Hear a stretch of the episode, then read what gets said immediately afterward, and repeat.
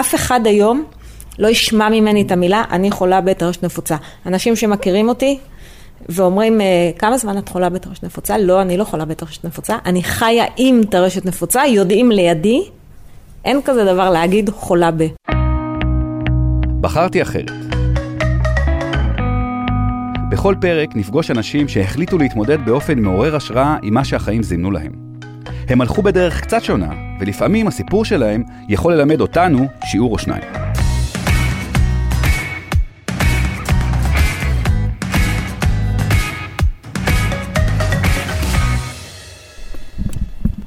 אוקיי, אז נעים מאוד. זאת ענת איילון, בת 49. היא חולונית במקור. אה, חובזית, כמו שפעם היו אומרים. הייתה לה ילדות נורמטיבית לגמרי. היא למדה בבית הספר, שיחקה כדורעף, ובגיל 18 התגייסה לצבא. כשהשתחררתי מהצבא, נכנסתי לעבוד בבנק. אני גרה בחולון, הלימודים בהרצליה, שני אוטובוסים לכיוון, חגיגות, חודש מאי, חום אימים, והתחלתי לראות לא טוב על העיניים. מישהו ששתה פעם הרבה הרבה הרבה הרבה, יין, אלכוהול וכאלה, ומרגיש את הראש כזה לא בדיוק במקום. מין שכזה. אה, רוצים לקרוא עיתון והשורות קופצות, אי אפשר להתמקד, נורא רוצים, אבל אי אפשר, ויש לי משקפיים, זאת אומרת זה לא קשור לראייה פתאום שלא בסדר, אלא משהו לא, לא מסתדר. ענת מחליטה להקשיב לגוף שלה ומגיעה לבית החולים. שם היא עוברת סדרה של בדיקות מקיפות. התוצאות לא משאירות מקום לספק. אצל ענת מאבחנים טרשת נפוצה. ההחלטה הייתה של אה, ההורים שלי ושל הרופא לא לספר לי. בת עשרים, אחרי הצבא, רק נכנסתי לעבוד בבנק, אף אחד לא יודע מה הולך לקרות עם זה, בשביל מה? ולא סיפרו לי, שמונה שנים. חשוב להגיד שבמשך כל הזמן הזה, ענת לא באמת מבינה עם מה היא מתמודדת. אפילו כשמגיע ההתקף הראשון. אה, יום כיפור, אין מה לעשות בין כה וכה, אני מאוד אוהבת ספרים. קראתי וקראתי וקראתי ולא זזתי מהמיטה, ונרדמו לי הרגליים. הם התעוררו אחרי חצי שנה. אז חצי שנה להתנהל עם רגליים רדומות, עם עבודה, עם לימודים, כי הייתי באמצע התואר הראשון שלי באוניברסיטה הפתוחה. אה, מה עושים? עושים. מתנהלים ככה, הולכים כמו צפרדע. אה, לא, באמת, ככה זה נראה. כי... כדי לקבל שיווי משקל וכדי ללכת, אז פשוט הולכים עם רגליים יותר, אה, רווח בין הרגליים, וככה מתנדנדים. טרשת נפוצה היא מחלה כרונית אוטואימונית. במילים אחרות, זו מחלה חשוכת מרפא שבה מערכת החיסון תוקפת את עצמה. בטרשת מופחת המיאלין, חומר שומני שעוטף את תאי העצב ועוזר בהעברת הגלים החשמליים מהמוח. כשיש חוסר במיאלין, משתבשת הפעילות התקינה של מערכת העצבים. לכן נפגע גם התפקוד של איברים נוספים בגוף. מכיוון שהחשמל לא עובר כמו שצריך, אז כמו מגעים שלפעמים לא, בבית עם מכשירי חשמל המגעים לא בסדר, אז גם פה. אה, נימולים. מכירים אה, את התחושה שישבנו על הרגל, רגל על רגל, מקופלים על כיסא וקמים ועוד שנייה נופלים כי לא יכולים וצריכים לדפוק את הרגל על הרצפה כדי להזיז את כל תחושת הנמלים האלה? עכשיו תתארו ככה חיים באופן קבוע. אה, שדות ראייה שמצטמצמים, כלומר התחושה של אני פה אבל הקירות נסגרים עליי, שליטה על סוגרים ועוד ועוד. אלו הן רק חלק מהדרכים שבהן יכולה לבוא לידי ביטוי הטרשת הנפוצה. לענת חשוב מאוד להבהיר שאצל כל אחד ההתקפים מתבטאים אחרת ויכולים להגיע בתקופות שונות. במשך הרבה מאוד שנים לא דיברתי. קודם כל שמונה שנים לא ידעתי את הרשת. זאת אומרת, ידעתי את הסיפור, זה נורא מצחיק. היו שואלים אותי מה, למה אני מסטרואידים, או, או למה אני פתאום לא, לא הולכת כמו שצריך, או לא רואה כמו שצריך. והייתי אומרת, אה, הגוף, מערכת החיסון, תוקפת את המיילין, בדיוק כמו שסיפרתי קודם, אבל לא ידעתי טרשת נפוצה. כשכבר ידעתי, גם אני לא סיפרתי. גם אני הייתי מהמקום של אה, עזבו אותי. היו פה שני דברים. אחד, עוד פעם, אין לי זמן לשטויות האלה, עזבו אותי, יש לי עבודה, לימודים וכל השאר, אז אני לא ממש הייתי בתוך זה. זאת אומרת, זה באמת לא ממש משהו שעניין אותי ביום-יום. וגם היה פה את העניין של אה, לא רוצה שאחרים יתייחסו אליי אחרת. ופשוט לא סיפרתי כמה שנים. אז אחרי לא מעט שנים של הסתרה, בהן התביישה ענת במחלתה והתמודדה איתה לגמרי לבד, היא עוזרת אומץ ומספרת על הטרשת שלה. באותה נשימה, היא גם מחליטה שהטרשת לא תמנע ממנה להמשיך בשגרת חייה, לעבוד במשרה מלאה ואפילו לחזור לעשות ספורט. בגיל 46 אני רציתי לרוץ. יש לי מאמנת כושר, קוראים לה מיכל סיוון, נהדרת ומקסימה. היא מכירה אותי אה, כמו ארבע שנים, והיא אמרה לי, סבבה, גיל 46, 460 מטר. זה, יש לך אישור ממני, מה שנקרא פתק מהרופא, ל-460 מטר, והתחלנו להתאמן. ואז קבענו את היום שיוצאים החוצה. לפני שלוש שנים היה איזה שבוע בארץ, שזה היה חום אימים, זה היה שבוע ימים שהמדינה הייתה בצבע חום, באמת, אף אחד לא יכול היה לעשות שום דבר, אבל זה היה יום שישי, ואני אמרתי שיוצאים החוצה באותו יום שישי, ואני קצת עקשנית הרבה. אז יצאנו לפארק, פעם ראשונה שיצאתי לעשות סיבוב הליכה בפארק, ותוך כדי לעשות מקטעים של ריצה, ורצתי. הרגליים היו במוד של ריצה. מהימים שהייתי קטנה וכל מה שעשיתי זה לשחק כדורעף, ספורט ואני, מזמן, מזמן לא היה בכלל בלקסיקון, בטח אחרי התקפים שהיו גם רגליים, זאת אומרת אין מצב. אם אני רציתי לרוץ, זה, זה היה בלתי נתפס.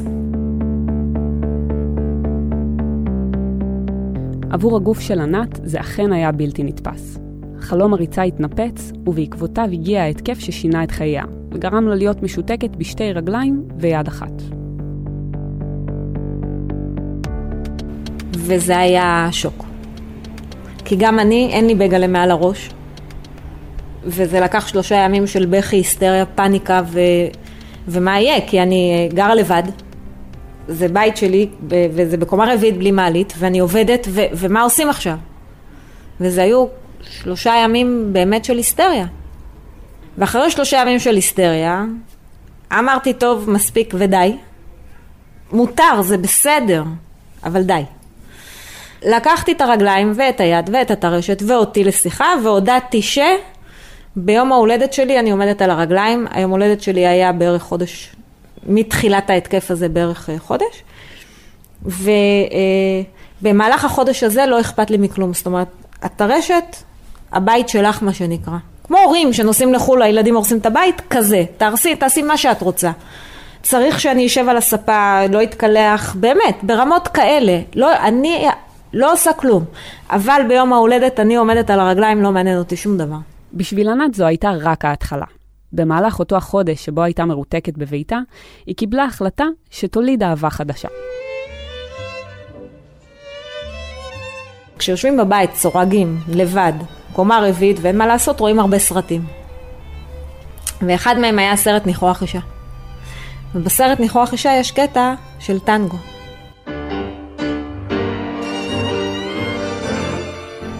וככה כמו שאני על הספה בחיים שלי, לא רקדתי, אבל איך שאני על הספה לא זזה, לא יודעת מה יקרה, לא יודעת כלום, אמרתי שאני רוצה ללמוד לרקוד טנגו, ומצאתי מורה לריקודים.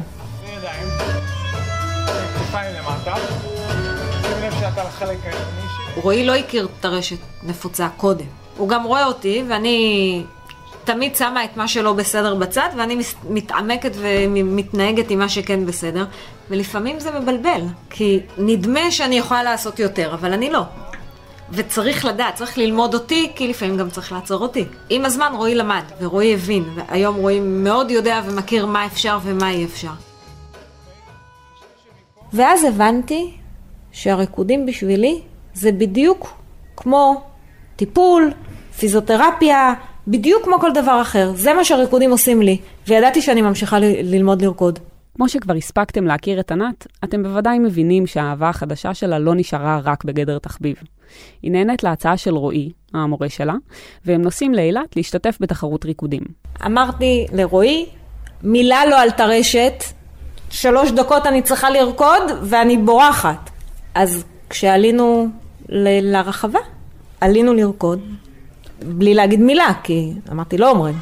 ענת איילון ורועי שמש, תנו להם כפיים, בבקשה. When the stars make you drool just like pasta fazool, that's amore. וזכינו. ענת איילון ורועי שמש, מקום ראשון.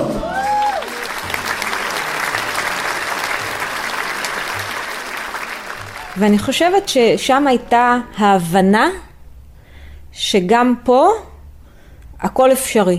זאת הייתה רק יריית הפתיחה. ענת ממשיכה לרקוד ולהשתתף בתחרויות, אבל ממש לא מסתפקת בזה. הקמתי חברה לתועלת הציבור שנקראת MS ישראל, מערך תמיכה ארצי אה, לטרשת נפוצה. חברה לתועלת הציבור אה, זה מוסד ללא כוונות רווח, זה בדיוק כמו עמותה או כמו אגודה, ההבדל הוא באופי הרישום שלה ובניהול שלה, בתכלס זה כמו עמותה או אגודה.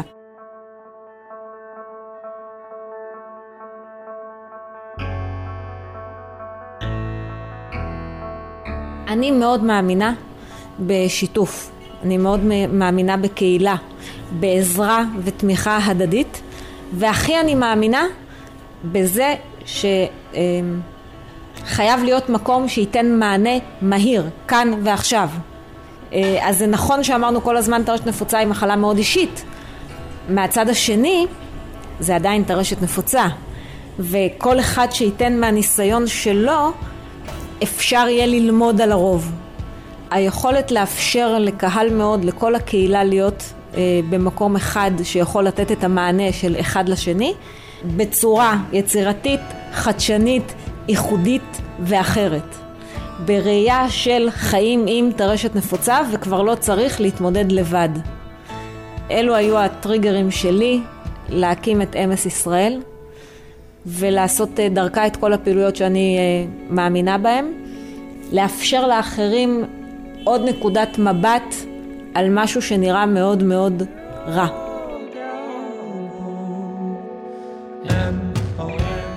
אז ענת לא מוותרת. היא חיה עם הטרשת וממשיכה להגשים חלומות. ויש לה עוד לא מעט ברשימה. אבל לצד ההצלחה האישית שלה, יש לה גם מסר מאוד ברור להעביר.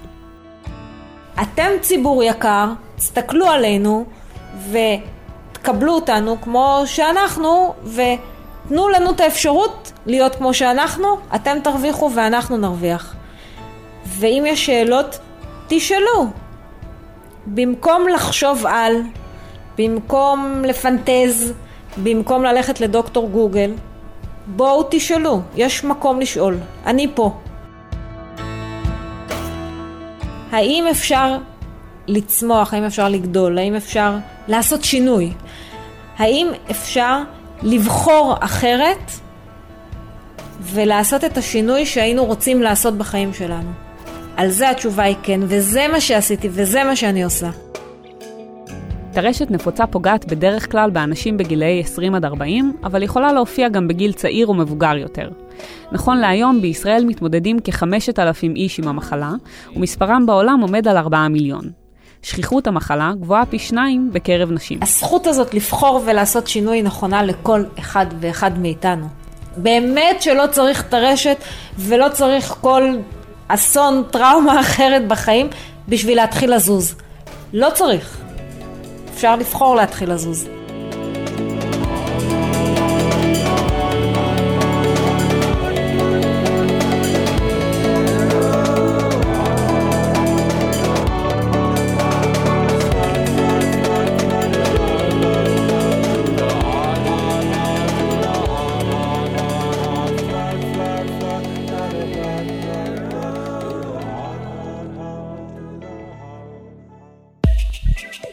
האזנתם לבחרתי אחרת.